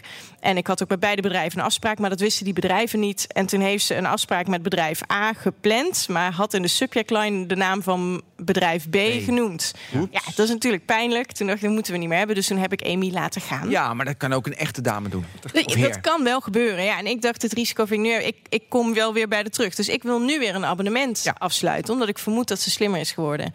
Die secretaresse, die functie gaat dus veranderen. Ja, klopt. Nou, wie zijn er oververtegenwoordigd in de wereld van administratieve en facilitaire functies? Vrouwen. Ja. Dus, en daar geloof ik World Economic Forum echt wel in. Opkomende technologieën gaan misschien wel iets meer consequenties hebben voor vrouwen dan voor mannen. Dus het zou kunnen dat vrouwen iets meer dan mannen hun baan gaan kwijtraken. Nou, dan heb ik het over de vrouwen die hun baan kwijtraken. Die hebben echt niet die skills die ze nodig hebben om in een ICT-baan te landen. ICT-banen blijven alleen maar doorgroeien. Dus het is voor Oh, mij een die. no-brainer dat je vrouwen een beetje moet bijscholen, die ICT-skills op orde moet krijgen om ze Ja. op die arbeidsmarkt te houden. Maar ons dispuut dacht ik dat het ging worden. Maar ik Hebben we toch weer niet? Nee, ik dacht veel te snel. Is van dat eh, door technologie verdwijnen banen. Nou, daar geloof ik helemaal niets van. Nee, Daar ben je mee banen eens? veranderen. Ik Precies. denk dat banen veranderen. Oké, en zijn we daardoor misschien daarover niet meer fulltime Maar zijn, dat vrouwen iets harder geraakt worden, dat die sneller Ja. iets anders moet, daar, kan- daar kan ik me wel. Ja. Maar om wel- die, is het om die reden dat jij begonnen bent met opleidingen? Ja, ja. En, en daarmee het, het andere ding wat ik wil zeggen. Niet iedereen hoeft van mij fulltime programmeur te worden. Of hardcore programmeur. Of eh echte data scientist. Ik denk dat het ook al heel goed is. Als ik kijk naar mijn doelgroep, die vrouwen. Dat ze bepaalde ICT ICT-skills beheersen om relevanter te blijven op de arbeidsmarkt. Dan kun je nog steeds eh, bijvoorbeeld marketingmanager zijn, Ja. maar wel een knap da- staaltje data mee kunnen praten, omdat je dan simpelweg slimmer op die arbeidsmarkt bent die aan het veranderen is. Ja. Dus ja, Maar wat, wat gaan we nou doen om deze trend te veranderen? Dat we meer vrouwen de tech in gaan krijgen. Heb je daar enig idee over? Ja, ik denk echt meer bijscholen. En snel bijscholen ook. Hè. Dus ik, ik denk niet aan traditionele scholingsprogramma's... waar iemand eh, een, een universiteit moet bezoeken of zo. Hè, want dat duurt te lang. Daar hebben we ook geen tijd voor om erop te wachten. Maar dat betekent ook dat bedrijven iets moeten doen. Want dat betekent dat bedrijven de deur open moeten zetten... om dit soort mensen een kans te geven. Ja. Eh, als ik teruggrijp naar mijn eigen bedrijf... die omscholingstrajecten die wij doen... 16 weken fulltime en dan kun je iets in de wereld van data science gaan doen... dan ben je echt nog geen data scientist. Je hebt je A-diploma en nu moet je leren zwemmen. En zwemmen leer je door te gaan zwemmen. Zo, zo, dat is ook het geval als je bijvoorbeeld chauffeur wordt. Hè? Dus eh, Ja. iets leren en dan... En dan de weg op. Maar waar ik benieuwd naar ben, dat is... ehm, wat heb je nodig om zo'n opleiding die je nu net noemt... eh, te gaan volgen als eh, achtergrond? Nou, dan denk je misschien aan... moet ik dan bijvoorbeeld iets met wiskunde gedaan Nou, ik hebben wil het gewoon weten. Ja, nee, wij focussen heel erg op mentaliteit. Als jij aan mij kunt laten zien dat je echt heel graag wil leren, sure. Als het gaat om het data science track, is het wel handig als je enigszins analytisch bent. Ja. Maar je hoeft mij niet te bewijzen dat je eh, wiskunde of econometrie gestudeerd hebt. Dat, dat doet volgens mij veel minder te zaken. Wat ik wil zien, is dat je ontzettend eager bent om nieuwe dingen te blijven leren. Niet alleen om die opleiding te gaan doen, maar ook als je klaar bent met die opleiding, dan ga je de arbeidsmarkt op. Moet je ook blijven leren. En dat moet iedereen. We moeten allemaal blijven leren. Dus als je die mentaliteit hebt en je laat dat zien en je hebt echt die power dat je dat ook gaat aanpakken, ja, dan kan je inschrijven. En dan gaan wij wel zagen. Niet iedereen mag meedoen, want dan is het slagings. Oké, nou wordt het interessant. Hoeveel, hoeveel mensen die zich dan aanmelden, af? mogen uiteindelijk meedoen. Ehm, als ik kijk naar bijvoorbeeld vorig jaar, de klas die we toen gevuld hebben, hebben we ruim 200 aanmeldingen gekregen. En er is een klas gestart van 30 vrouwen. Oké, en Dus hoeveel mensen die veel- eh, ja. beginnen, maken het ook af? Eh, nou, de laatste klas, 100% is En hoeveel geslaagd. mensen die het afmaken, krijgen een Krijg baan? een baan. Nou, dat is leuk. We hebben toevallig vanmiddag een banenmarkt. We zitten net in het traject. Deze lichting die zijn net een maand geleden zijn ze afgestudeerd. Tussen aanhalingstekens, hè, want het is geen traditioneel 16 weken cursus. 16 weken cursus, die zijn klaar. 10 van die vrouwen, en er zijn er 30 En gestart. dat is 16 weken fulltime, hè? Fulltime, Ja. ja. En tien van die vrouwen die zijn, eh, die hebben een arbeidscontract getekend. Die zijn al aan het werk of ze starten volgende week. Dus tien zijn onder de pannen tussen aanhalingstekens. Ongeveer tien, want er zit er ook één bij die gaat freelancen. Dus ja, mag ik die meetellen? Als Tuurlijk, ja? meetellen. Dan tien, oké. Dan hebben we er nog steeds twintig te gaan. Ja. Maar er, zijn al, er worden al heel druk gesprekken Makkelijk, gevoerd. En we zitten nog maar in de eerste maand na de opleiding. Dus Top. ik heb echt eh, hele goede hoop dat al die vrouwen gewoon op de arbeidsmarkt landen. Ik ook. Dat is dus wel heel succesvol. Ja. Maar het begint ermee dat je ehm 85% afwijst. Ja, nou ja, dat lijkt dan heel naar, hè? Ja, dat Ja. snap ik wel. Nou, niet alleen, niet alleen naar voor de personen, Mhm. maar het is natuurlijk ook. eh, het betekent dat lang niet iedereen. Nou ja, misschien dat de volgende 15% het ook nog wel gehaald had. Maar lang niet iedereen is, die dit wil doen, Nou, is daar toch nog geschikt voor. Ja, maar dat is toch Ja, logisch het, ook? ja, maar het is Ja, ook, wij hebben nu nog, we zijn Stel een het start-up, we hebben beperkte plekken te vergeven. Dus een klas bestaat bij Ja. ons nu uit 30 personen. Wij hopen natuurlijk dat we kunnen gaan opschalen en dat we parallel meerdere tracks kunnen doen. Dan hebben we misschien wel tegelijkertijd tijd voor 120 vrouwen, Oh ja, noem maar wat. Dan kunnen we er ook meer toelaten. Maar er zijn ook vrouwen die die eagerness dus niet laten zien. Die Ja. bijvoorbeeld denken, ja, Ja. jeetje, ik moet toch wat met mijn leven. Nou, dan ga ik dit maar doen. Ja, dat is niet de bedoeling. Je Ja. moet het echt willen. Ehm, nou is met alle respect, eh, dit is een druppel op een gloeiende plaat. Ja, is het echt. Hoe breid je die capaciteit uit? Ehm, dat, dat begint met samenwerking met bedrijven. We zien bijvoorbeeld nu dat, eh, nou, je mag best weten, er is een consultancy eh, Club Macau. Die heeft eh, vijf van onze vrouwen aangenomen. Ja, dat, dat vind ik zo hartverwarmend, omdat je daarmee slim van hun, want je bereikt meteen die kritische massa van je hebt meer vrouwen nodig dan één om een omslag te, te bewerkstelligen. Dat is supergoed. Ehm, maar daar begint het bij dat geloof. Er zijn ook nog steeds bedrijven die we spreken die denken, ja. Ja, maar ja, 16 weken. Ja, god, ik weet het niet. En echt niet bereid zijn om die kans te geven. Ja, dan, dan heeft het het moeilijk om geen zin. 16 Dan gaat weken even vrij te maken? Wat zeg je? Het is moeilijk om 16 weken even vrij Het te is een maken. mega investering hoor voor Ja, die vrouwen. ja, Die, hè, ja. want ze ontvangen gedurende die, die 16 weken geen salaris of zo. Nee. Dus je moet wel. Er zijn ook vrouwen die hun baan hiervoor op hebben gezegd, omdat ze echt geloven: ik moet die toekomstkant op. Mhm. Ja, te gek. Maar wat is er nodig? Meer geloof van bedrijven. Die al van tevoren zeggen: joh, ik geloof in dit programma. Laten we samen kijken hoe die vrouwen bij ons straks kunnen gaan landen. Dat is voor ons fijn, want dan kunnen we meteen kijken: oh jij hebt behoefte aan heel specifieke skills. Gaan we dat meenemen? Nou, dan, dan leid je beter op. Dus ze zijn er nog lang niet. Maar ik denk dat de eerste stap heel veelbelovend is. Ja. Mag ik ook een onderwerp over vrouwen? Oh, het gebruik wil ik heel graag nog hebben. Het gebruik van vrouwen. Ben. Nee, welke services? Nee, welke Toch weer een ser- ruzie. eh, Ja. ja. Nee. Spanning. Nee, maar jij haalt. Ik bedoel dat helemaal niet. ik vind het gewoon heel erg interessant. Weet je, TikTok, social media wordt allemaal veel meer gebruikt door vrouwen. Dat, Oké. Ja, dat- dus zeg maar dat. Het gebruik door vrouwen. Het gebruik door vrouwen, door, door producten die mannen hebben gemaakt. Nee, maar dat, kun je daar iets, dat vrouwen anders technologie gebruiken, kun je daar iets over, ja, voorbeelden, iets over vertellen? Oh. is ook allemaal eh, nurture. Hè? Ja. Ja. Ja, ja, ja, god, gebruiken ze het anders. Ja, je ziet TikTok, inderdaad wel meer... De, ja. jonge meisjes. Instagram, jonge meisjes. Het Ja. begon ermee dat vrouwen helemaal internet niet opgingen. In het begin. bedoel, eh, deze opa heeft dat nog meegemaakt. Dat in 1995 alleen maar jongetjes op internet zaten. Die waren Ja, eh, heren Ja, maar dat kwam ook hoofden, omdat eh, papa dan een computer aan eh, zoon lief gaf voor op de kamer. En dat dat niet bedoeld was voor het meisje, toch? Meisje maar, maar de dames kwamen pas toen Facebook en dergelijke. Of ben ik nu heel erg? Nee, dat, dat is wel... Janneke Niesen, jullie vast Ja, wel bekend. Tuurlijk. Eh, zij zit ook achter Project Prep en Inspiring 50. En zij zegt altijd: ehm, If you can't see them, you can be them. Dus dat is één. Je moet, je moet zien dat er vrouwen werkzaam zijn in tech en dan volg je wel. Maar wat zij ook altijd zegt: vraag aan een meisje: Wil jij programmeur worden? Dan zegt ze: Nee, man, eh, niks voor mij. Een beetje in een kelder pizza eten en zitten codeklommen, dat wil ik niet. Wil je bij Facebook werken of bij Instagram? Ja. Ja, dat wel. Dat Precies. willen we. Dus is ook en dat heeft te maken met, ja, en met hoe je het verhaal vertelt, denk ik. Ja. En hoe je het gebruikt. Wil je mensen helpen? Ja, nou, Gaat oh, ja, kloppen. dat willen we wel. Ja, vooruit maar. Ja, Ja, en ik ze heel erg interessant. Er was een van die apps die dus eh, verzonnen werd door zo'n groep meisjes. Eentje was, ging over eh, eh, fashion. Ze hadden een fashion app verzonnen. Toen zei ze van ja, het was een meisje van tien. Die zei van ja, als ik dan 's ochtends fashion stress heb als ik in de spiegel kijk. En Jij denkt echt, Ik fashion stress. wat- wat- Is dat überhaupt nooit last van gehad? Maar ja, dat zit er dan wel op vanaf tien jaar, tien jaar oud. Dat Ja. ze dan daarover na gaan denken. Ja. Dus dat wordt er echt wel inge, ingenurtured, zeg maar. Nou, en dat, ja. dat vind ik nou echt een tof voorbeeld. Want Ik ook. inderdaad, Dit- wij, technologie, en dat geldt voor alle mensen. Oh, heb jij het echt niet? Heb ik nu- Jongen, Nee. ik, elke Ik dag. ook ochtend de leert je dan nog wel. Ja, ik leer er nog wel. Straks Dat eh, heel fijn zijn. als je dat eenmaal hebt. Nee, maar de- wij gebruiken allen, wij, wij mannen en vrouwen, gebruiken technologie om ons te helpen, om ons te enablen in ons leven. En meisjes hebben andere behoeftes dan vrouwen, of dan, dan jongens. En dus gebruiken ze ook andere kanalen. Precies. En, en vanuit die hoek vind ik hem dus eh, fashion, eh, eh, eh, dus voeding. Vanuit die hoek vind ik hem mooi. Voor mij kan je vanuit die, vanuit die hoek ook inspireren. Nou, het was, wij zijn ooit begonnen met Techionista met eendaagse coding classes. Dan zeg je, je kan toch niet in één dag leren programmeren? Klopt, kan je ook niet. Maar je kunt wel in één dag kun je een webpage live zetten... en dat geeft jou een soort computational thinking basis... die ik heel belangrijk vind. Dat je gewoon een keer iets meer weet dan... zo gaat mijn laptop open en zo ga ik naar Facebook. Nee, kijk nou eens wat er aan de achterkant gebeurt. Maar als jij, en dit is, dit is dan eh, de les die ik heb als oud hoofdredacteur van bijvoorbeeld FIFA en van Kijk. Als jij aan die vrouwen zegt: hey, wil je leren programmeren en noem een programmeertaal, komt er niemand.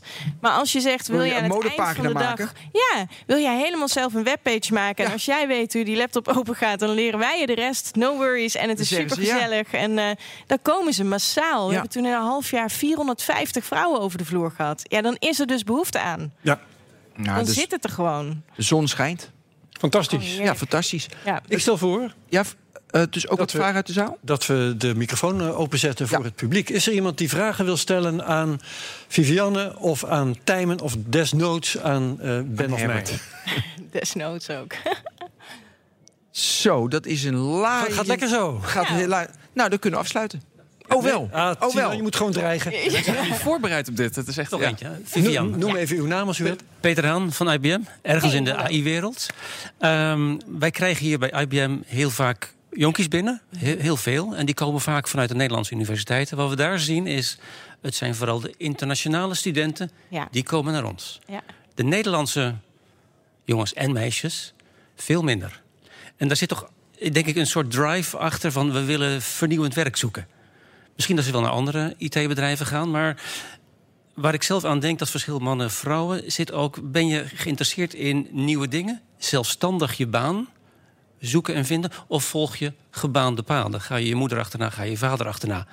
De, ik proef hier vanuit onze IBM-situatie met al die studenten die naar ons toe komen, zomer, zomerprogramma's en, en werken, echt gewoon een cultuurverschil tussen de gemiddelde Nederlandse instromer en de internationale. Andere- En daar zitten toch die Dat ook. tussen de oren. Dat denk ik ook. Dat is wel grappig. Over, eh, als je het dan hebt over internationale verschillen, dan heb ik het wel weer even over vrouwen specifiek. Er was weer een, ik zal de paper delen, maar er kwam een paper uit vorig jaar. En het ging over als je een land hebt waar mannen en vrouwen heel gelijk zijn. Eh, bijvoorbeeld, nou, in Nederland hè, trachten we daar toch wel naar te streven. Mannen en vrouwen zijn gelijk. Je mag allebei eh, mag je doen wat je wil. En toch zie je dat in die landen vrouwen minder voor ICT kiezen.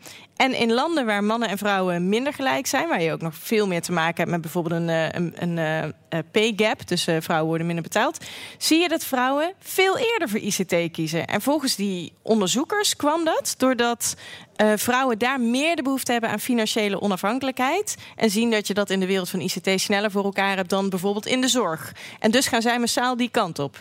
Die vrouwen melden zich ook hier omdat zij denken, nou, hier heb ik misschien een betere basis. Dus ook wij zien dat wij... Wij krijgen best wel wat aanmeldingen eh, uit eh voormalig Oostbloklanden bijvoorbeeld. Knettergoeie programmeurs trouwens, omdat zij daar wel heel erg mee opgegroeid zijn. En die melden zich dan weer bij ons. Dus ik, ik herken dat verschil wel heel erg, dat dat hier minder speelt. En waarom dan niet hier? Ja, de, ik, dus bij IBM bedoel ik dan, dat weet ik niet zo goed. Of dat nou gaan die mensen dan toch eerder naar de start-ups? Ik, ik kan daar de vinger niet goed op leggen wat dat dan is. Waarom zou je niet. Of ligt het misschien aan de sollicitatieprocedure? Worden ze bijvoorbeeld gedwongen formulieren in te vullen? Want dat haten de jonkies. Nou, We, we zien, Mannen. we hebben hele open procedures, maar we zien gewoon veel meer eagerness bij Andere personen vanuit het internationale kader. Ja. Eh, en, en ik leid het toch vooral aan, aan cultuur en, en, en volgzaamheid in de Nederlandse sociale achtergrond. Dat zou kunnen. We gaan even kijken of er nog een andere vraag is. Bij deze selecte groep. Nee, ik... Ja, wel. Achteraan. Ah, Er Achteruit komt nu iemand rennend naar de microfoon, want het is een metertje of eh, 15. Zeg de, uw naam eerst even en dan de vraag. Mijn naam is Willem en dit gaat eigenlijk een beetje over programmeren, vrouwen en eh, meisjes en jongetjes. Ik zat net te bedenken, wanneer leer je eigenlijk als kind in Nederland programmeren? Zit dat standaard in de basisschool? Nee. Dat is een heel kort. Nee, zit er niet standaard Met een in. beetje geluk kun je op middelbare school iets leren, hè, denk ik. Ja, maar je hebt wel echt hele coole initiatieven. Bijvoorbeeld eh Codeuur. Eh, dan komen ze een uur lang, nou letterlijk codeuur, gaan ze dus naar een basisschool toe om een uurtje de klas over te nemen en dit soort dingen te doen. En dan kun je bijvoorbeeld sfero's gaan eh, programmeren. En zijn van die leuke robotballetjes. En die kun je dan programmeren om ze een bepaald patroontje te laten doen. Heel belangrijk en heel relevant, omdat je het heel concreet maakt. Daar houden alle kinderen van. Want je ziet dat robotje bewegen en je leert hoe je nou, hoe programmeren denkt en hoe computational thinking denkt. Maar nee, het zit er niet standaard in. Er zijn wel steeds meer scholen mee bezig om daar nou, meer aandacht voor te krijgen. Maar ja, wie staan er voor de klassen? Dat zijn doorgaans niet mensen die, eh, die heel veel met ICT hadden voorheen. Daarom zijn ze het onderwijs ingaan of basisscholen. Dat zijn veelal dames. Ja, nou ja, en dat, daar moet echt wat veranderen, denk ik. Want het, het begint bij de mensen die het verhaal vertellen. Nou, bijvoorbeeld een docent. Als zij niks hebben met ICT en tech, is de kans heel klein dat het in de klas behandeld gaat worden. Ik kijk even naar Tijmen, want jij hebt het vast heel, heel jong geleerd. Eh, nee, eigenlijk niet. Ik ben pas op de universiteit begonnen met programmeren. Serieus? Ja, ja, ja. Oh. Goh, ik, eh, ik zag jou helemaal als een eh, Ja, jongetje ook. dat al op de basisschool... eh, Yo, ik was veel te veel bezig met World of Warcraft op de middelbare school. Ik heb me geen tijd voor de programmeren. Oh ja. Ik moest gewoon gamen. dat is vanuikend natuurlijk. Ja. Ja, ja, ja. Maar ik, ik weet wel dat in andere landen, dat, dat het eh, bijvoorbeeld een ex-vriendin van mij, die eh, heeft het leren programmeren in twee jaar lang tijdens de middelbare school. Dus dat gebeurt in andere landen wel veel en veel meer dan hier. Dat, eh, ja. ja, ja. Willem, is je vraag beantwoord? Ja, dankjewel. Oké. Thanks. Nou, nog even kijken. Het loopt niet storm. Tot nu toe tenminste niet. Ja, toch nog, hè. Zie je wel. Als het eenmaal begint, dan eh, houdt het ook nooit meer op. Uw naam graag en eh, de vraag. Jacco Hoofdam. Ik eh, had nog een vraag over de grasmaaier. Super. Als Oké. dat mag. Eh, de grasmaaier die traint zichzelf. Alles wat hij ziet eh, neemt hij weer op in zijn model en daar wordt hij slimmer van. Eh, maar wat nou als ik de grasmaaier iedere keer mijn graniums laat maaien? Eh, dan traint hij ook zijn model. En hoe groot is dan het risico dat hij bij iedereen de geraniums gaat maaien? Dus de essentie van mijn vraag is eigenlijk... hoe gevaarlijk is het dat modellen door kwaadwillenden aangepast kunnen worden? Nou is het met een grasmaaier nog een keer te overzien. Maar wat als het een auto is? Ja, nee, daar heb je helemaal gelijk in. Er zijn ook bijvoorbeeld voorbeelden van Microsoft die een Twitterbot maakt. En omdat die Twitterbot lerend was van de mensen die ermee gingen praten, eh, werd die Twitterbot opeens een vorm van een soort van neonazi. Eh dus je- je- 24 uur, ja. Hij eindigt co- continu. Dus ja, daar heb je een groot probleem met dat soort dingen. Dus je moet, misschien niet alles eh, naar de cloud toe sturen. En misschien moet je gaan kijken naar wat is de commonalities van heel veel groepen mensen eh, over verschillende eh, gebieden. Om daarnaar te kijken, moet je het model met deze data willen updaten. Dus je moet het niet zomaar klakkeloos overnemen. Daar heb je gelijk in. Maar ja, misschien Dat is zoals- nog niet uitontwikkeld, begrijp ik. dat is nog helemaal niet uitontwikkeld. Nee, maar je zou dus wel in kunnen denken dat op het moment dat er bijvoorbeeld bepaalde, zo'n geranium-idee, als, als 10% van, van heel de wereld dat, dat doet, zou je het misschien een optie van kunnen maken of zo. Daar, daar kan je wel wat met technologie van doen. Ja, en het is eng, je moet er mee, mee opletten.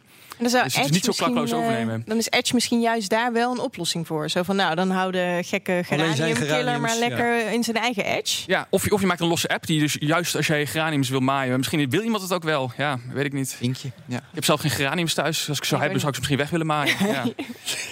Ben, ik denk dat we er een punt Ja, aan gaan we draaien. gaan een punt aan draaien.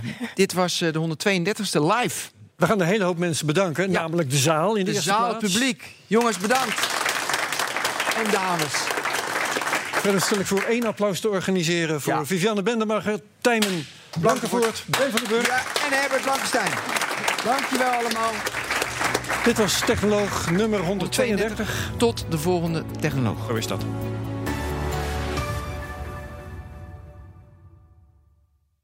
Hoe vergroot ik onze compute power zonder extra compute power?